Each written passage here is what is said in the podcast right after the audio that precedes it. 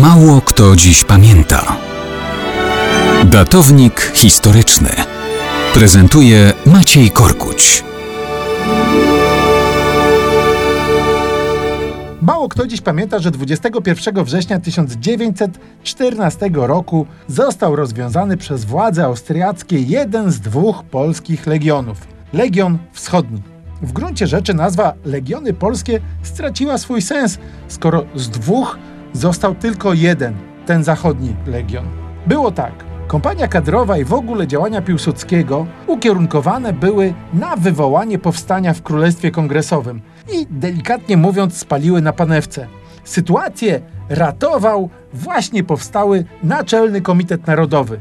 NKN przedstawił cesarzowi propozycję powołania legionów polskich, które wchłoną oddziały Piłsudskiego. Zaciąg do obu legionów był ochotniczy. Legion Wschodni tworzono w Lwowie, gdzie przeważające wpływy miała Endecja, sceptycznie patrząca na udział Polaków w wojnie po stronie Austrii i Niemiec. Wszak generalnie Endecy życzyli właśnie Niemcom całkowitej klęski. Legion Zachodni powstawał w Krakowie, gdzie zdecydowanie więcej było zwolenników walki czynnej u boku Austrii. Legion formowano od końca sierpnia 1914 roku. Trwała wtedy ofensywa rosyjska w Galicji. Żołnierze cofali się na zachód. Szybko pojawił się poważny problem natury ideowo-honorowej, a w optyce austriackiej praktycznej.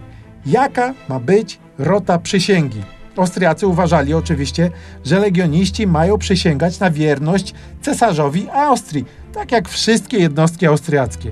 Legion Zachodni przysięgę złożył, przy czym część samowolnie dodała, że przysięgę składają przyszłemu królowi polskiemu. We wschodnim legionie zaczął się od razu ferment. W Jaśle napięcie doszło do zenitu. W obliczu zbliżających się Rosjan Austriacy zażądali złożenia broni. Polacy odmówili, ale nie było czasu na rozstrzyganie sporu. Wszyscy musieli się cofać w stronę Podhala. Tam jednak trzeba było podjąć decyzję. Ogłoszono, że Legion Wschodni zostaje rozwiązany. Kto chce, wraca do domu. Kto chce, składa przysięgę cesarzowi. Z 6 tysięcy żołnierzy drugą opcję wybrało mniej niż tysiąc i przeszło z Józefem Hallerem do Legionu Zachodniego.